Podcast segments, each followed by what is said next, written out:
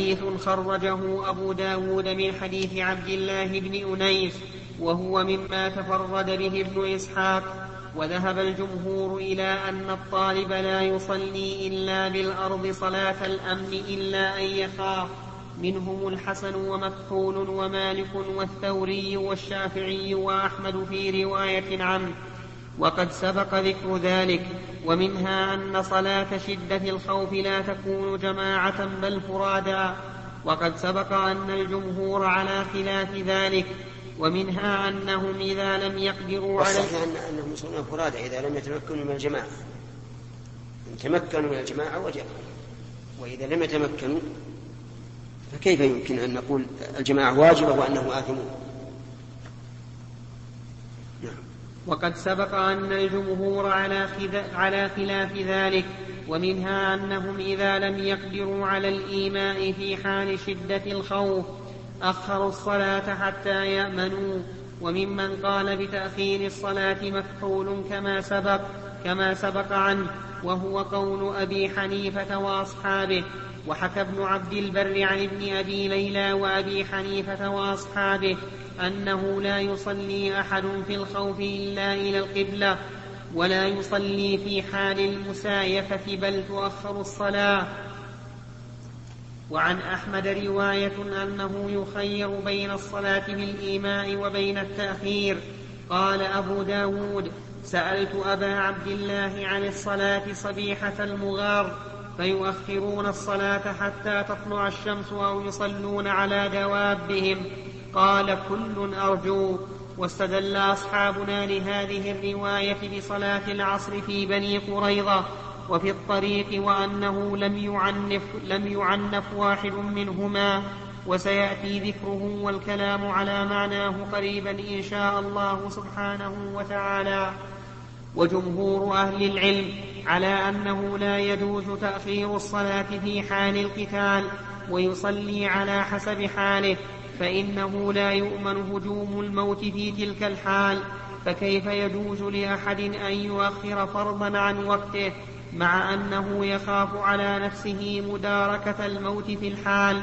وهذا في تأخير الصلاة عن وقتها التي لا يجوز تأخيرها للجمع. فأما صلاة يجوز تأخيرها للخوف ولو كان في الحضر عند أصحابنا وغيرهم من العلماء. وقول ابن عباس جمع رسول الله صلى الله عليه وسلم بالمدينة من غير خوف يدل بمفهومه على جواز الجمع للخوف فإن الخوف عذر ظاهر فالجمع له أولى من الجمع للمطر والمرض ونحوهما.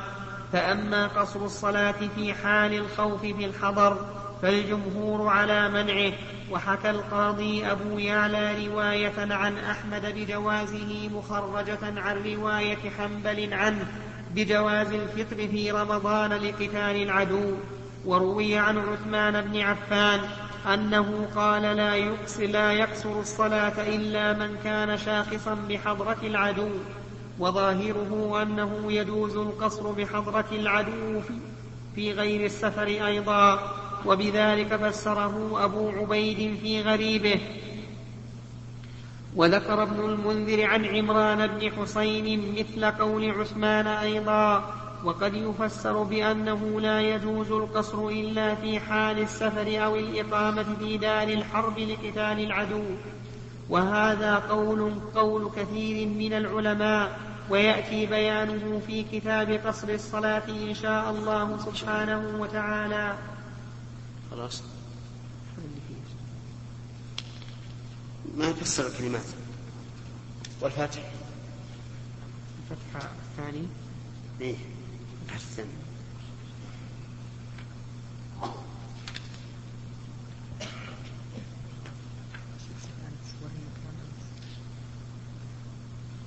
لو تقرأ قال مكحول وقال أنس وقال أنس بقول وقال أنس. ها؟ يقول اقرأ هذه قلت ما بزور. آه قال آه، قوله ما يسرني بتلك الصلاة. قبل قبل. وقال أنس نعم. وصله ابن سعد وابن أبي شيبة من طريق قتادة عنه وذكره الخليفة في تاريخه وعمر بن شبة في أخبار البصرة من وجهين آخرين عن قتادة ولفظ عمر سئل قتادة عن الصلاة إذا حضر القتال فقال حدثني أنس بن مالك أنهم فتحوا تستر تستر وهو يومئذ على مقدمة الناس. وعبد الله بن قيس يعني أبا موسى الأشعري أمير أميرهم قوله تستر بضم المثناة الفوقانية وسكون المهملة وفتح المثناة وفتح المثناة أيضا. بلد معروف من بلاد الأهواز وذكر خليفة أن فتحها كان في سنة عشرين في خلافة عمر. وسيأتي الإشارة إلى كيفيته في أواخر الجهاد إن شاء الله تعالى. قوله اشتعل قوله اشتعال القتال بالعين المهملة. قوله فلم يقدروا على الصلاة يحتمل أن يكون للعجز عن النزول. ويحتمل أن يكون للعجز عن الإيماء أيضا فيوافق ما تقدم عن الأوزاعي وجزم الأصيلي بأن سببه أنهم لم يجدوا إلى الوضوء سبيلا من شدة القتال. قوله إلا بعد ارتفاع النهار في رواية عمر بن شبة حتى انتصف النهار. قوله ما يسرني بتلك الصلاة أي بدل تلك الصلاة.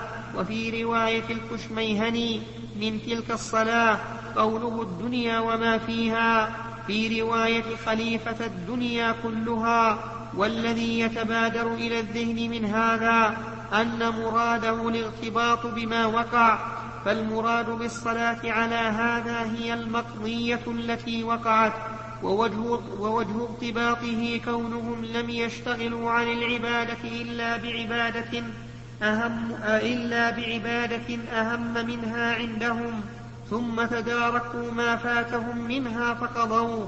وهذا وهو كقول أبي بكر الصديق لو طلعت لم تجدنا غافلين.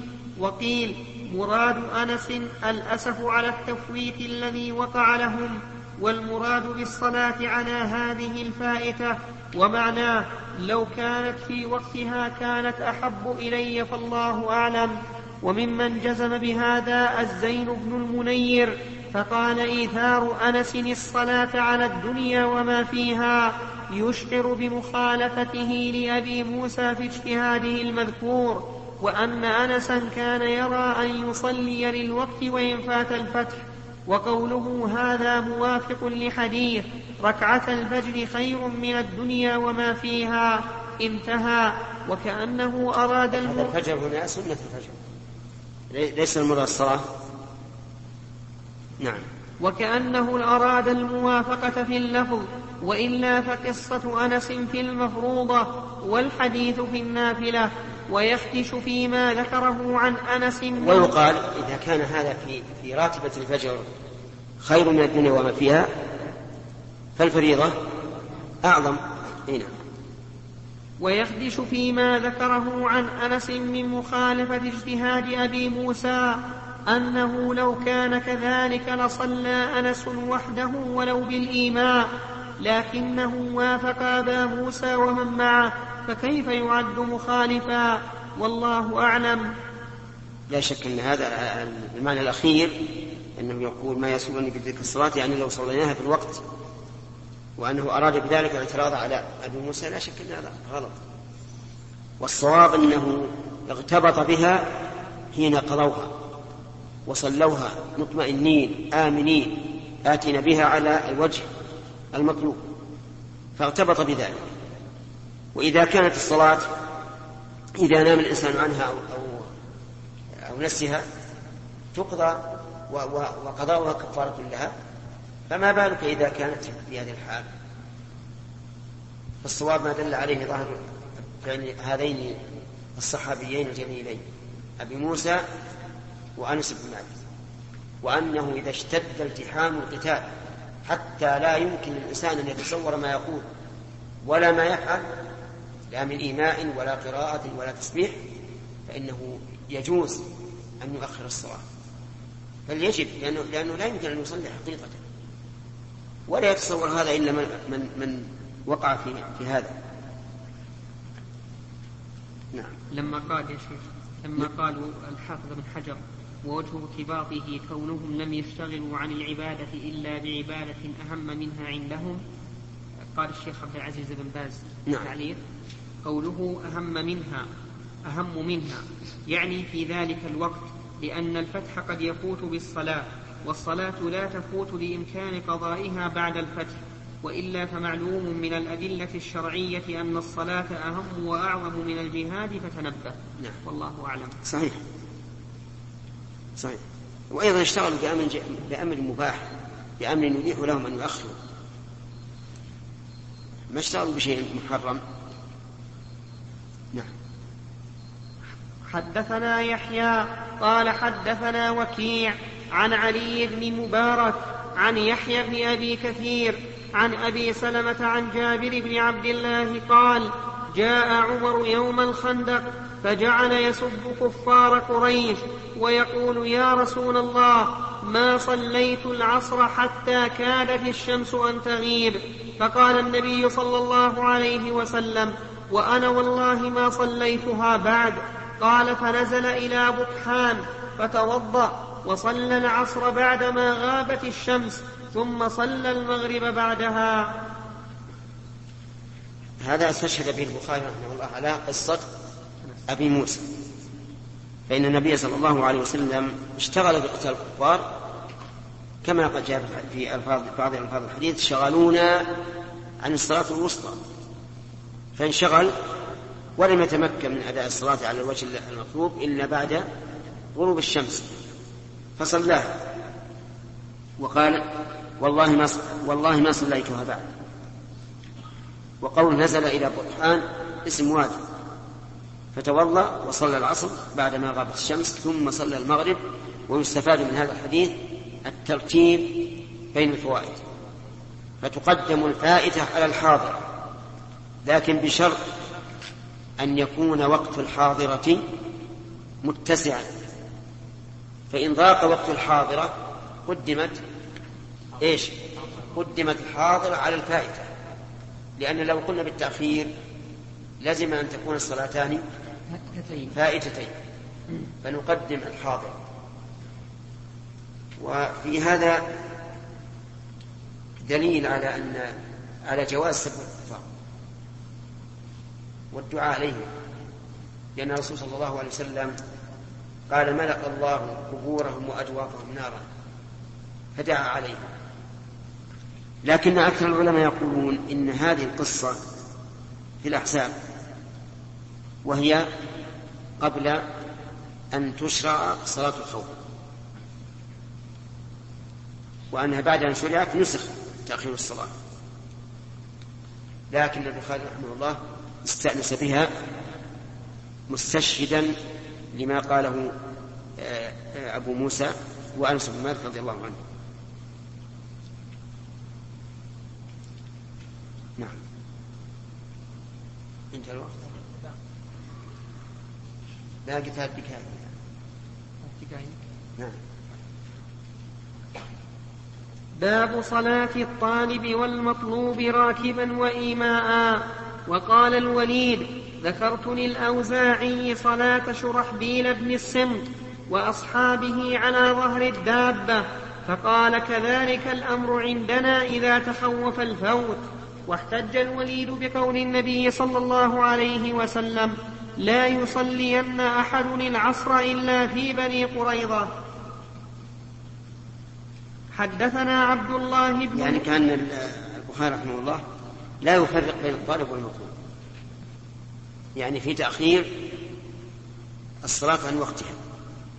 واحتج الوليد بقول النبي صلى الله عليه وسلم لا يصلين أحد العصر إلا في بني قريظة. وأدركتهم صلاة العصر. فمنهم من أخر حتى خرج الوقت من أجل أن لا يصلي إلا في بني قريظة. ومنهم من صلى في الوقت. ولم ينكر النبي صلى الله عليه وسلم لا على هؤلاء ولا على هؤلاء. وذلك لأنهم كلهم مجتهدون. والمجتهد إن أخطأ فله أجر وإن أصاب فله أجران. لكن لا شك أن أحدهم هو المصيب. نعم.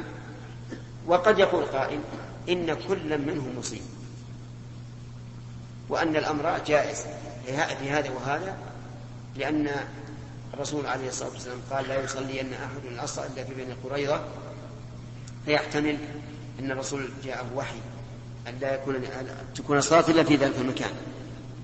لكن الأقرب أن أحدهما مصيب وأن المصيب والمصلي في الوقت.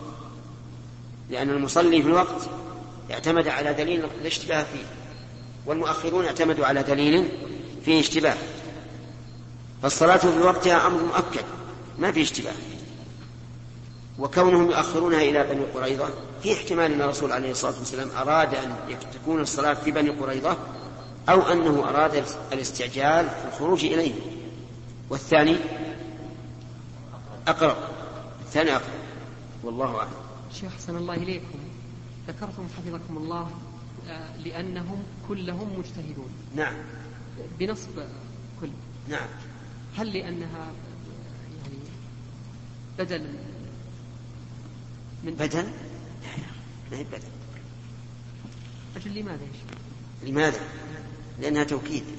توكيد الضمير المنصوب أي توكيد الضمير المنصوب ويجوز أن ترفعها وتكون كل مبتدأ وما بعدها خبر والجملة خبر. إن.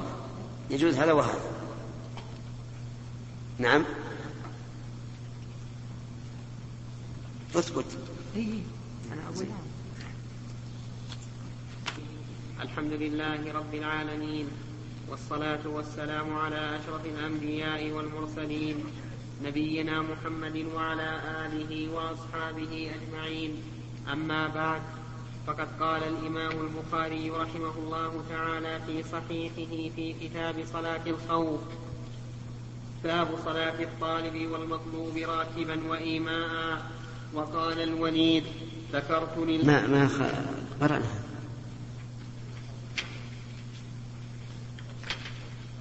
باب التبكير والغلس بالصبح والصلاة عند الإغارة والحرب وقفنا على باب حدثنا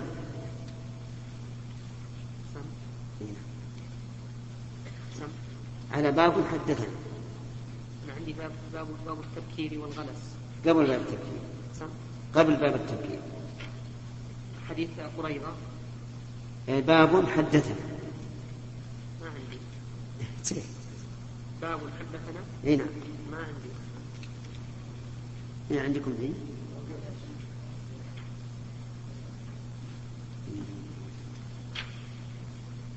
وأنا مشيني إلا أنها لا توجد في بعض النسخ باب مكتوب عليه لا صغيرة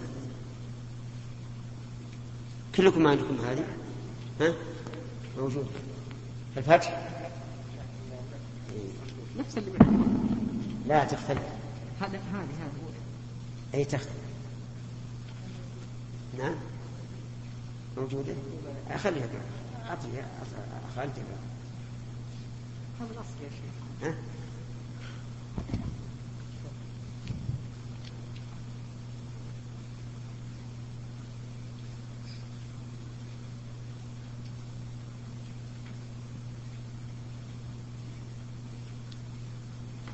باب حدثنا عبد الله بن محمد بن أسماء قال حدثنا جويرية عن نافع عن ابن عمر قال قال النبي صلى الله عليه وسلم لنا لما رجع من الأحزاب لا يصلين أحد العصر إلا في بني قريظة فأدرك بعضهم العصر في فأدرك بعضهم العصر في الطريق فقال بعضهم لا نصلي حتى نأتيها وقال بعضهم بل نصلي لم يرد منا ذلك. فذكر للنبي صلى الله عليه وسلم فلم يعنف واحدا منهم. اللهم صل وسلم. من المعلوم ان الاحساب كانت في شوال في السنة الخامسة من الهجرة لأنه تحزب من قريش وغير قريش على النبي صلى الله عليه وآله وسلم. ما بلغ عشرة آلاف مقاتل عشرة آلاف مقاتل. فحاصروا المدينة. والقصة مشهورة. وأنزل الله سبحانه وتعالى على أرسل الله عليهم الريح. ففرقتهم وفي هذه الغزوة من الآيات للنبي عليه الصلاة والسلام أشياء كثيرة. منها أن الرسول عليه الصلاة والسلام طلب من أصحابه من يذهب إليهم أي إلى الأحزاب وكانت الريح شديدة باردة. يذهب إليهم يسأله يعني ينظر ما حاله ولكن ما لم لم يقم أحد. كل واحد خارج لأن الريح شديدة وباردة والعدو كثير. ولكن النبي عليه الصلاة والسلام نص على حذيفة بن اليمان وقال قم يا حذيفة. قال فلم يكن بد من قيام لأن النبي صلى الله عليه وسلم أمرني كان بالأول القيام فرض كفاية. الآن أصبح فرض عين. فرض عين. فقام. فأمره النبي عليه الصلاة والسلام أن يذهب إلى القوم وينظر في أمرهم ونهاه أن أن يرمي سهم واحد. ذهب إليهم. مع هذه الريح شديدة يقول ذهبت حتى كأني في تنور يعني الله عز وجل حماه من برودة الجو ومن الريح حتى وصل إلى هناك. يقول فكان أبو سفيان وهو في ذلك الوقت وكبير القوم كان يتجول فيهم. وكانت الريح لا تدع لهم قطرا إلا قلبته ولا خيمة إلا أسقطته وهو يتجول فيهم معروف. يقول كان يسهل علي جدا أن أرميه وأقتله لكني ذكرت قول النبي صلى الله عليه وسلم. يقول فجلست إلى قوم فقال أبو سفيان ينظر كل واحد منهم جليسا. ينظر كل واحد منكم جليسا. يقول فبادرت أنا. وقلت لجليس من أنت؟ قال أنا فلان. لأن الجليس لو بات المشكلة. فعرف أحوال القوم وأنهم على كل حال قد زلزلوا وسوف يذهبون. فرجع إلى النبي عليه الصلاة والسلام وهو في أدفأ ما يكون. فوجد النبي صلى الله عليه وسلم يصلي في الليل. فلما وصل إلى الرسول يقول لما وصلت إلى الرسول أحسست بالبرد الله أكبر. فجعل النبي صلى الله عليه وسلم من ردائه عليه.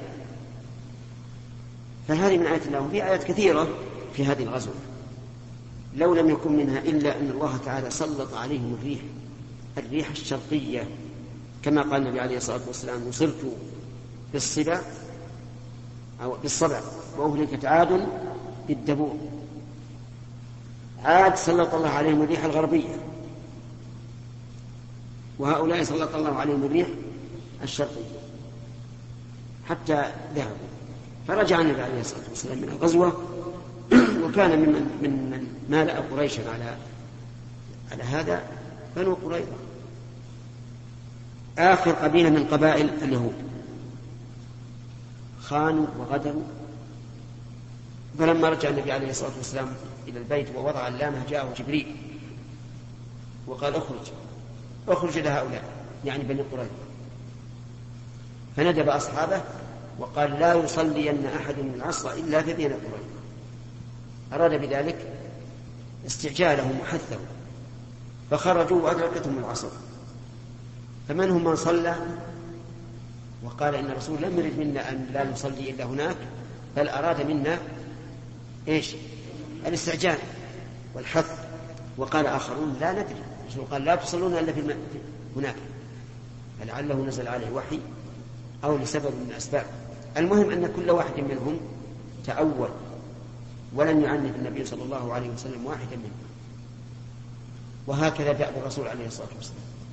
أن الإنسان إذا فعل الشيء متأولا لم يعنفه ولو خالف فيه. لأن المتأول معذور. إذا حكم الحاكم فاجتهد فأصاب فله أجران وإن اجتهد فأخطأ فله أجر. المتأول معذور. ولهذا كان من شروط التكفير بما يكفر أن يكون الفاعل أو القائل إيش؟ غير متأول. فإن تأول فلا كفر. وهذه قاعدة ينبغي أن نعرفها. أن المتأول إذا كان يسوغ التأويل فإنه لا يؤاخذ به. وانظر إلى الرجلين اللذين بعثهما الرسول عليه الصلاة والسلام في حاجة فلم يجد الماء. فتيمم وصليا. ثم وجد الماء قبل أن يخرج الوقت فأحدهما توضأ وأعاد الصلاة والثاني لم يتوضأ ولم يعد الصلاة فقال للذي توضأ وأعاد الصلاة لك الأجر مرتين لأنه صلى صلاتين يعتقد أنهما واجبتان فكان له الأجر مرتين بناء على إيش؟ بناء على تأويله وقال للثاني أصبت السنة فأرضى كل واحد منهم عليه الصلاة والسلام. ونحن نعلم علم اليقين أنه بعد العلم بالسنة لو أن الإنسان صلى مرة بعد أن وجد الماء لم يكن له أجر. لأنه خالف السنة. فالمهم أن هذه قاعدة ينبغي لنا أن نسلكها. لا بالنسبة لحق الله ولا بالنسبة لحق المخلوق. حتى المخلوق لو أساء إليك إساءة يظن أنه, في أنه محسن فيك فلا تعنف. لأنه محسن. نعم. والإنسان بشر. قد يفعل شيئا لا يناسب ولكنه يظن إحسانا فلا تعنف هذا هذا هدي النبي عليه الصلاة والسلام. لو أننا سلكناه مع الناس في حق الله ومع الناس في معاملة الناس لحصلنا على خير كثير. لكن الإنسان قد تأخذ الغيرة والعجلة والانتصار للنفس فلا يتمكن من أن يعامل هذه المعاملة. نعم. باب, التك... باب التبكير والغلس بالصبح والصلاة عند الإغارة والحرب. حدثنا مسدد قال حدثنا حماد عن عبد العزيز. قصدي بهذا الصلاة عند الغداء والحرب يعني أن نقدم الصلاة على العبارة والحرب ونبكر بها في أول وقتها. فهذا في الجهاد. أن تبكر بالصلاة من أجل الإغارة وفي الحج بكر النبي صلى الله عليه وسلم في صلاة الفجر صبيحة يوم العيد من أجل أن يتفرغ للدعاء حتى يسفر جدا. نعم. حدثنا مسدد قال حدثنا حماد عن عبد العزيز بن صهيب وثابت البناني عن أنس بن مالك أن رسول الله صلى الله عليه وسلم صلى الصبح بغلس ثم ركب فقال الله أكبر. خربت خيبر. إنا إذا نزلنا بساحة قوم إن, إن إنا إذا نزلنا بساحة إذا نزلنا. إناث إذا لم تأتي بالألف صار ضمير مؤنث. أليس كذلك؟ إنا إذا نزلنا بساحة قوم فساء صباح المنذرين فخرجوا يسعون في السكك ويقولون محمد والخميس قال والخميس الجيش فظهر عليهم رسول الله صلى الله عليه وسلم فقتل المقاتل وسبى الذراري فصارت صفية لدحية الكلبي وصارت لرسول الله صلى الله عليه وسلم ثم ثم تزوجها وجعل صداقها عتقها. فقال عبد العزيز لثابت يا أبا محمد أنت سألت أنسا ما أمهرها؟ قال أمهرها نفسها فتبسم. خيبر كانت مزارع وحصون وحصونا لليهود وهي تبعد نحو مئة ميل في الشمال الغربي من المدينة وهي معروفة. فتحها النبي صلى الله عليه وسلم في السنة السادسة من الهجرة أو السابعة. ثم إنه عليه الصلاة والسلام حاصرهم وفي صباح يوم من الأيام صلى الصبح. بغلس يعني مبكرا لأن الغلس اختلاط ضياء الصبح بظلمة الليل. ثم ركب عليه الصلاة والسلام متجها إلى خيبر وكان قد بعث علي بن أبي طالب أيضا فقال الله أكبر. وهنا التكبير يشرع عند العلو المعنوي والعلو الحسي.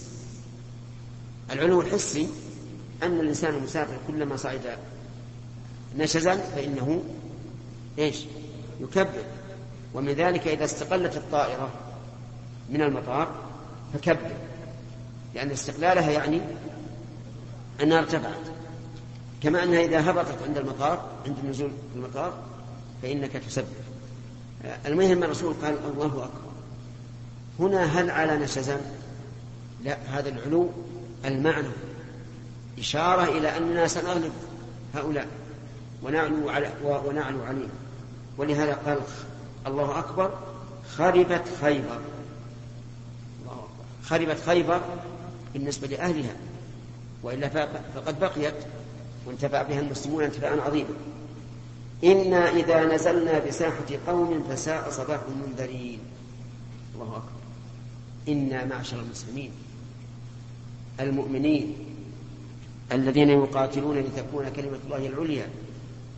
إذا نزلوا بساحة قوم أي بما يقرب منهم فساء صباح المنذرين ونريد أن نتقدم في هذا الصباح حتى ننزل بساحتهم حتى يستحقوا هذا هذا الوصف. ركب ودخل. دخل خيبر فتحها فجعل هؤلاء اليهود يسعون في السكك يعني في الطرقات. كالجرذان يقول محمد والخميس. والخميس هذه تروى بالرفع وبالنصب. على أن الواو المعية. والخميس هم الجيش. حتى آه، تم الفتح الحمد لله. وظهر عليهم النبي صلى الله عليه وسلم فقتل المقاتلة وسبى الذرار يعني النساء والصغار. فصارت صفية بنت حيي وحيي هو سيد بني النضير. خرج من المدينة إلى إلى إلى إلى خيبر. فصارت صبية لدحية الكلب ثم صارت للرسول صلى الله عليه وعلى آله وسلم. ولكن الرسول عليه الصلاة والسلام لكرمه ومراعاته للنفوس لم يتخذها سرية بل اتخذها زوجة تزوجها وجعل عتقها صداقة عليه الصلاة والسلام. ففي هذا دليل على أن على أن المرأة الأمة إذا تزوجها سيدها فلا حرج أن يجعل عتقها هو الصداقة بدلا من الدراهم. وفيه دليل على فائدة مهمة وهي أن عقد النكاح لا يشترط فيه التزويج. يعني لا يشترط أنه زوجتك أنكحتك بل لو قال جوزتك بنتي وقال قبلت يصح معنى مو مو عربية. جوزتك ليست عربية لكنها عند العامة معناها زوجتك. ولو قال ملكتك بنتي. نعم ملكتك. صح لأنها عند العامة بمعنى زوجتك وفي بعض ألفاظ البخاري في قصة الرجل الذي زوجه النبي عليه الصلاة والسلام المرأة التي وهبت النساء للرسول صلى الله عليه وعلى آله وسلم قال ملكتكها بما معك من القرآن. ملكتكها بما معك من القرآن. فإن قال قائل فإن قال وهبتكها وهبتك بنتي فهل نقول إنه ينعقد النكاح بذلك؟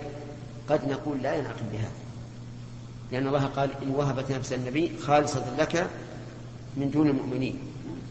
فلا يمكن أن ينعقد بشيء صرح الله بأنه خاص بالرسول عليه الصلاة والسلام. فإن قيل العبرة بالمعنى وهذا الرجل الذي زوج ابنته بلفظ الهبة قد أخذ مهر والهبة التي تختص بالرسول ما هي؟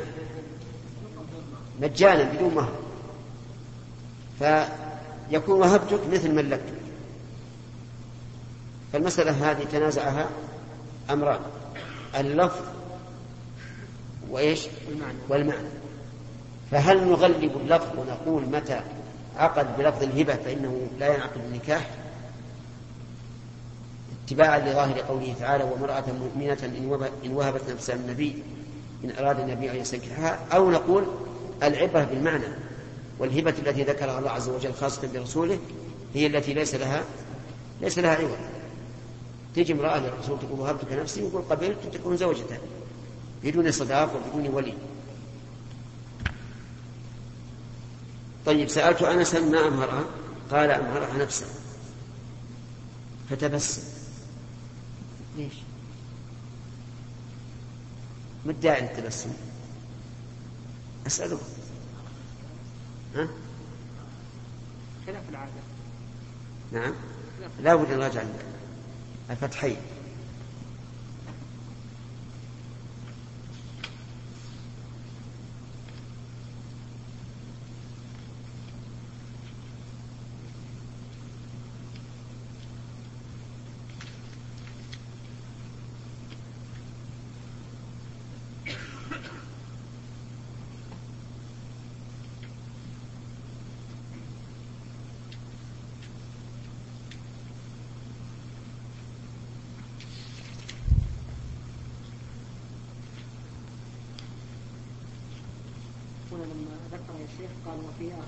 قصة صفية وتزوج النبي صلى الله عليه وسلم لها وجعل وجعل عتقها صداقها وجعل عتقها صداقها. وقد تقدم أول الحديث في أبواب الأذان من حديث حميد عن أنس. هذا من؟ هذا الأول الفتح الأول. والثاني؟ الثاني يأتي في النكاح.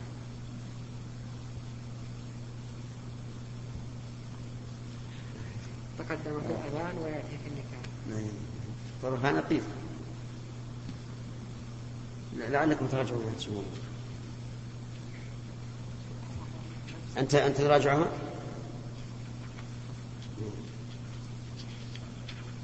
ها؟ أنت؟ طيب ذكر نعم إيش؟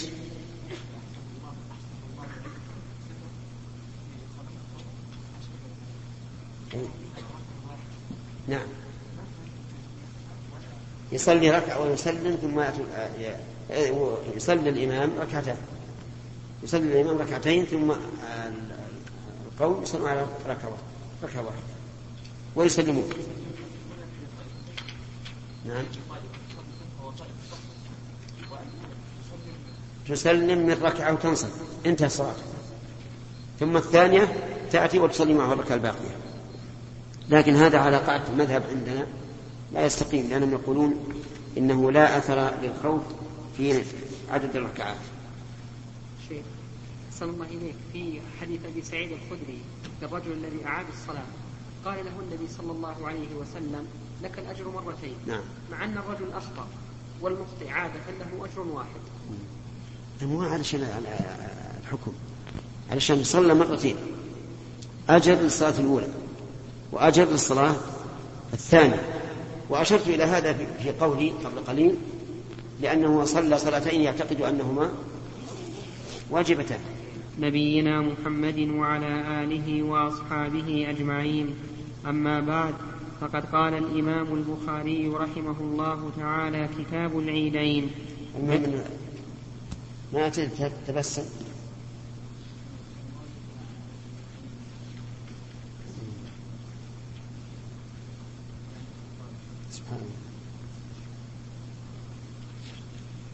الحديث الشيخ أشار عندي ها؟ الذي فيه أمهرها نفسها. نعم. أشار إلى أن الحديث له مواضع كثيرة. نعم. قريبة. هذا يمكن 17 موضع في الصحيح. إيه. من 17 موضع ما رجعت كل المواضع. مو عندك فتح الباري؟ الطبعة الأخيرة. زين. أجاب راجع نمهلك إلى إلى غد. طيب إلى بعد. 22 موضوع. نعم. على كل حال أمهلناك إلى بعد غد. كتاب العيدين باب في العيدين والتجمل فيهما. حدثنا أبو اليمان قال أخبرنا العيدين اعلم أنه ليس هناك إلا عيد إلا عيد الأضحى وعيد الفطر. وفيه العيد الأسبوعي الذي يتكرر وهو يوم الجمعة. وما عدا ذلك فليس في الإسلام عيد.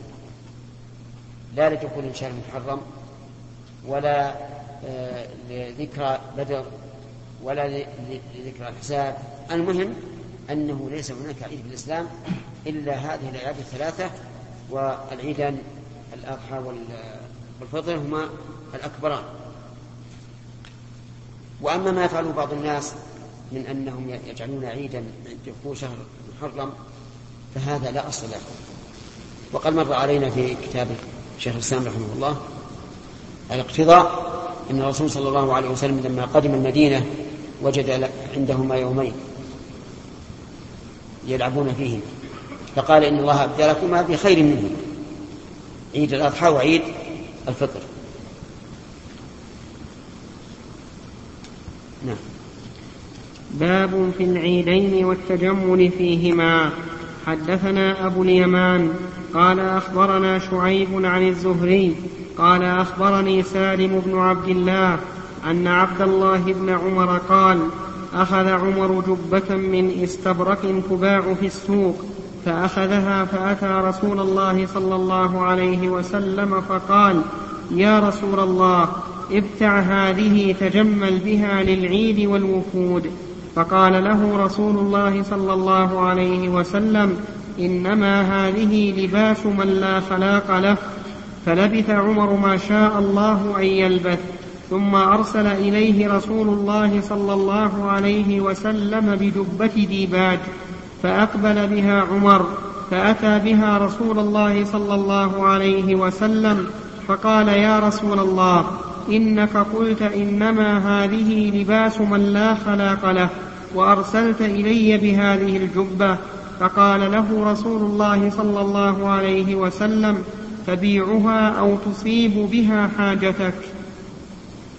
الشاهد من هذا الحديث قوله آه، ابتع هذه تجمل بها للعيد والوفود. ففيه دليل على أن الرسول عليه الصلاة والسلام يتجمل في الأعياد ويتجمل أيضا للوفود. خلافا لبعض الناس الذي لا يتجمل للوفود والمراد بالوفود الذين لهم قيمة في المجتمع. ليس كل من وفد إليك تذهب تلبس أحسن ثيابك. لكن إذا كان له قيمة في المجتمع كأمير أو عالم كبير أو وزير أو ما أشبه ذلك فهنا التجمل لهم من السنة التي يثاب عليها كما أنها من العادات المحمودة عند الناس. وفي أيضا آه، التجمل للعيد أقر النبي صلى الله عليه وسلم عمر. وفي هذا الحديث أيضا صراحة الصحابة رضي الله عنهم. فإن النبي صلى الله عليه وسلم قال في, في, في الأولى التي من استبرق والاستبرق نوع من الديباج. قال إن هذه لباس من لا خلق له. يعني من لا نصيب له في الآخرة. وهم الكفار. ثم بعد ذلك أرسل إليه النبي صلى الله عليه وسلم بجبة ديباج. فجاء عمر يسأل الرسول. كيف تقول بالأمس في الاستبرق إنه لباس من لا خلق له والآن تعطيني جبة من الديباج وفيها الحرير. فقال عليه الصلاة والسلام تبيعها أو تصيب بها حاجة. فبين أنه إن أنه لم يعطها إياه ليلبسها ولكن يبيعها أو يقضي بها حاجته يهديها إلى أحد يجوز له لبسها كالمرأة مثلا. نعم. باب الحراب والدرة يوم العيد. حدثنا أحمد قال حدثنا ابن وهب قال أخبرنا عمرو أن محمد بن عبد الرحمن الأسدي حدثه حدثه عن عروة عن عائشة أنها قالت دخل علي رسول الله صلى الله عليه وسلم وعندي جاريتان تغنيان بغناء بعاث فاضطجع على الفراش وحول وجهه ودخل أبو بكر فانتهرني وقال مزمارة الشيطان عند النبي صلى الله عليه وسلم فأقبل عليه رسول الله عليه السلام فقال دعهما فلما غفل غمزتهما فخرجتا. وكان يوم عيد يلعب السودان بالدرق, بالدرق والحراب فإما سألت النبي صلى الله عليه وسلم وإما قال تشتهين تنظرين فقلت نعم فأقامني وراءه خدي على خده وهو يقول دونكم يا بني أرفدة. حتى إذا مللت قال حسبك. قلت نعم قال فاذهبي. هذه المعاملة الحسنة للأهل. ففي هذا الحديث دليل على جواز الغناء غناء النساء في أيام العيد. والظاهر أنه كذلك بالنسبة للرجال. لأنه إذا كان قد اعتيد في ذلك الوقت أن لا يغني إلا النساء فإذا اعتيد في وقت آخر أن يغني الرجال فلا مانع. لأن العلة واحدة بل إن العلة في غناء النساء أشد. لأن الفتنة بهن أشد.